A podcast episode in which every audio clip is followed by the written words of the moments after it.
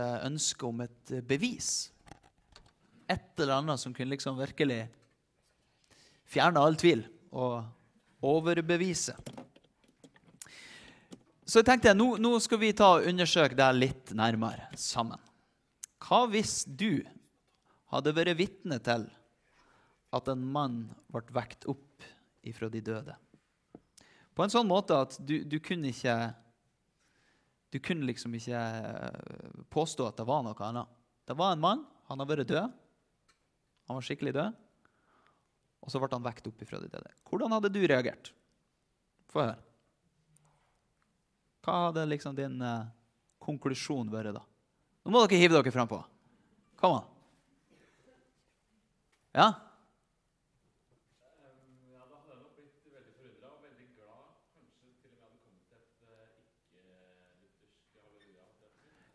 Glad, forundra, til og med et ikke-luthersk halleluja. Ja.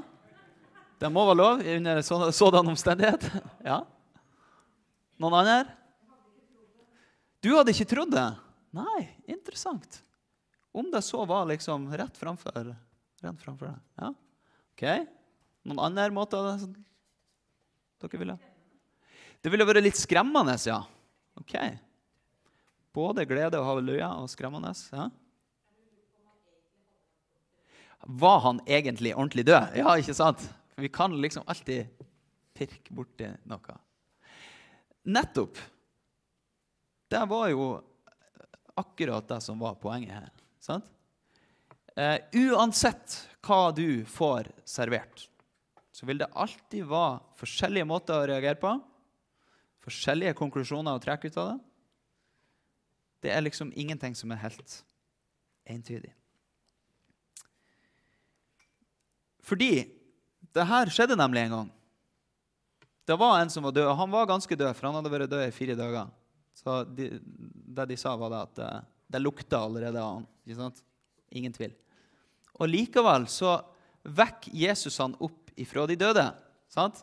Og da skulle man jo tro, liksom, med så håndfaste bevis, da, at nå må alt være feid av banen. Alle kom til tro. Nei. Det viser jo nettopp det som vår lille undersøkelse her fortalte oss. At sånn var det ikke. Og nå skal dere få høre hva som skjedde. Mange av jødene som var kommet til Maria og hadde sett det Jesus gjorde, kom til tro på ham. Men noen gikk til fariseerne og fortalte hva han hadde gjort. Da kalte overpresten og fariseerne sammen rådet, og de sa:" Hva skal vi gjøre? Dette mennesket gjør mange tegn. Lar vi ham holde på slik, vil snart alle tro på ham. Så kommer romerne og tar både det hellige stedet og folket vårt. En av dem, Kaifas, som var øversteprest det året, sa da.: Dere skjønner ingenting. Dere tenker ikke på at det er bedre for dere at ett menneske dør for folket, enn at hele folket går til grunne. Dette sa han ikke av seg selv, men fordi han var øversteprest det året, talte han profetisk om at Jesus skulle dø for folket. Ja, han skulle ikke bare dø for folket, han skulle også samle til ett de Guds barn som er spredt omkring. Fra denne dagen la de planer om å drepe ham. Slik lyder Herrens ord. Og Da var det omtrent sånn som vi antok. Jo da, det var mange som kom til tro på Jesus.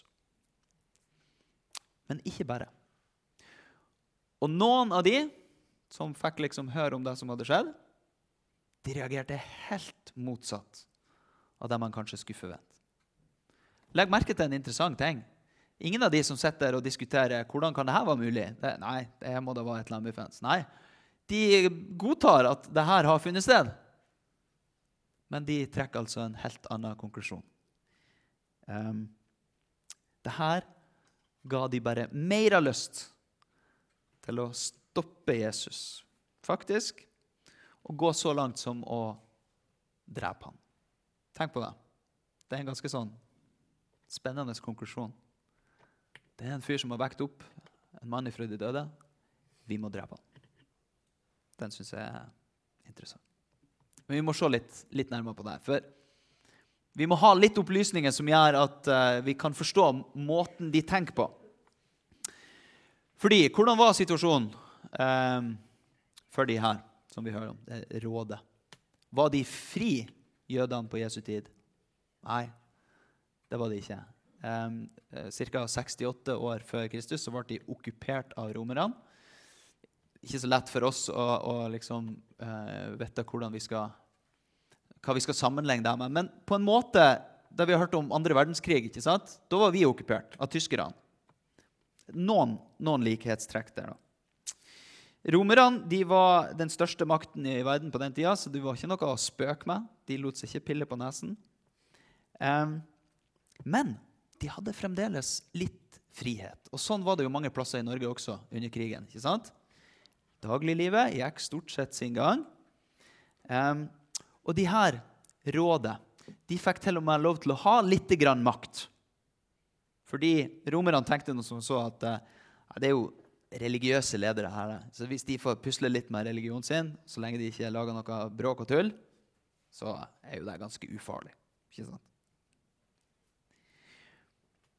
Um, og det er jo akkurat det som står i fare nå. ikke sant? For når Jesus driver på med sånne ting og vekker opp døde, så står jo det i fare for å bli litt eh, oppstyr. Og blir det mer oppstyr nå, da er det bare et spørsmål om tid før romerne kommer og griper inn. Da mister de her 71 mannfolkene i det rådet de mister den lille makten de har. Og de tar både det hellige stedet og folket vårt. Det er resonnementet. Så den lille makten de har igjen, den er trua, og det er Jesus som er trusselen. Så hva skal vi gjøre nå? Det var hele spørsmålet som brakte de sammen denne dagen. Og så begynner det å bli virkelig interessant, for en av de har jo løsninger på problemet. Sant? De spør hva skal vi gjøre. Hør nå her. Dere tenker ikke på at det er bedre at ett menneske dør for folket. Hvem er han som sier det? Fikk dere med dere det? Han heter Kaifas. Han er øverste prest. I, det, i systemet liksom til jødene så var det mange prester. Plenty av prester. Men det var bare én øverste prest som hadde den rollen. Han skulle bl.a. en gang i året gå inn i det som vi sang om nå nettopp, det, i det aller helligste sted. Hva skulle han gjøre der? Jo, det kan dere få se her. Der sto det nemlig noe som heter paktskisten. Inni der så lå eh, de ti bud. Og så fikk han, øverstepresten, ingen andre, lov til én gang i året å bære fram det offeret, det blodofferet, som skulle da tømmes ut over den paktkisten. ikke sant? Skjønner dere poenget her? Gud ser på, på loven, ikke sant? Da blir alle våre lovbrudd synlige. Så kommer det noe som dekker det overalt. Kanskje du har stussa litt på det. Blod som dekker over synd. Det høres jo snodig ut. Men det er liksom bakgrunnen for deg. da. Tømmes ut der, dekk over. Det var en av de viktigste oppgavene for øverstepresten sånn i riktig gammel tid. da. Og nå er det altså han her, Kaifas, som er øversteprest. Og han har løsninga på problemet. Jesus må dø. Han tenker på seg sjøl makten sin, folket sitt. Det er det han vil redde. Han ser ikke ut til å tenke på i det hele tatt hva som er Guds plan. Det er jo kanskje litt spesielt for en øverste prest, men sånn var det altså med han. Men så skjer det noe spesielt. Vi får høre at han uttaler seg profetisk. På tross av at han ikke har øye for hva Gud vil, så uttaler han seg likevel om hva som er Guds vilje.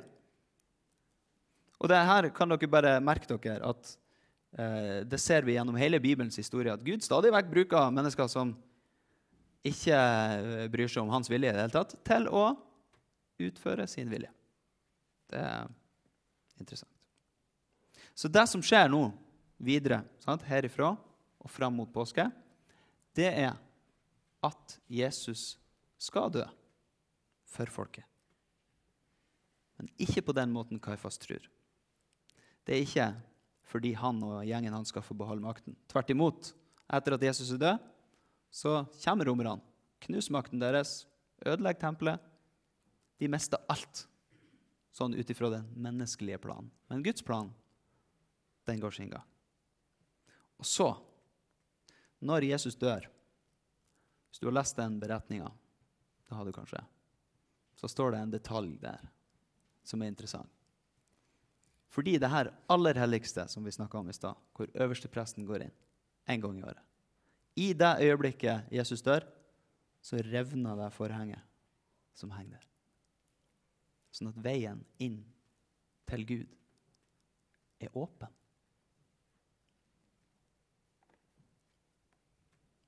Så Jesus blir altså redningsmann for jøder. Og ikke bare det, for alle de Guds barn som er spredt omkring i verden. I Det gamle testamentet det gjaldt ikke for oss. Den veien var stengt. Men nå er den åpen. Det er så vanskelig å tro. Det var det utsagnet vi starta med. Ja, det kan det være. Men det er ikke nødvendigvis mangel på bevis som er problemet. For sjøl noe så spektakulært som en mann som ble vekt opp ifra døde, skapte ikke bare tro, men motstand og vantro. Og Hvis du tar noe når du kommer hjem og blar litt videre, så skal du få se noe som er enda større enn Lasarus, nemlig Jesus sjøl, som overvinner døden. Og om det er troverdig? Ja, det vil jeg påstå. Eh, og Det kunne jeg sagt mye om, men vi skal ikke bruke hele kvelden. Så det får vi spart en annen gang. Det er troverdig. Men poenget er ikke hvilken overbevisningskraft sånne bevis har. Ja, hva er det da? Hva er mysteriet med troen? Jo, det står i Romerbrevet 10-17 så kommer da troen av det budskapet en hører. Og budskapet kommer av Kristi ord. Har du hørt noe? Ja, fortsett med det. Og ta imot det i hjertet ditt. Hør det, ta imot det, og gjør det. Jesus Kristus er død for dine synder og reist opp til håp for det. Så skal dere få en liten utfordring til slutt også. For eh, jeg syns det er kjedelig med sånne preiker som bare er sånn glatt og fin. Nå skal dere få litt å tygge på, som kan gi dere litt motstand. Hvis dere er klare for det. For kristen tro det blir ofte framstilt som Jesus han er en venn.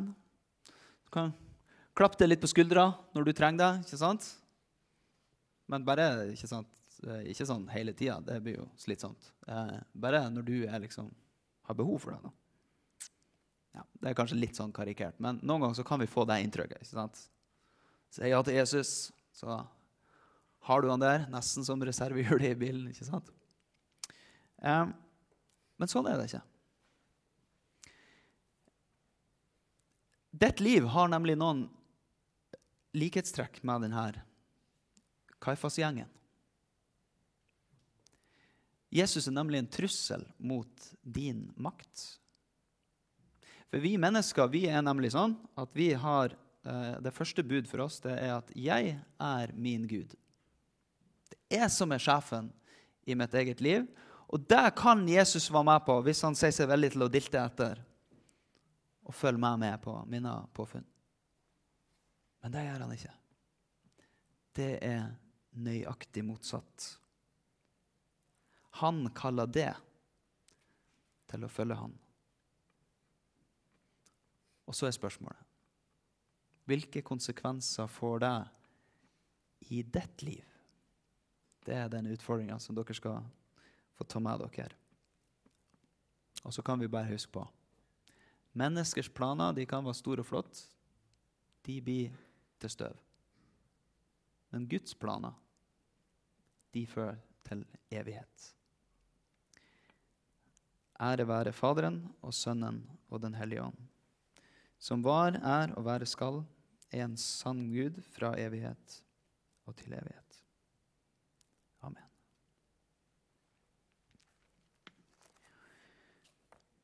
Og da skal vi synge en sang på Ikke helt på nynorsk, da, det er på engelsk til og med.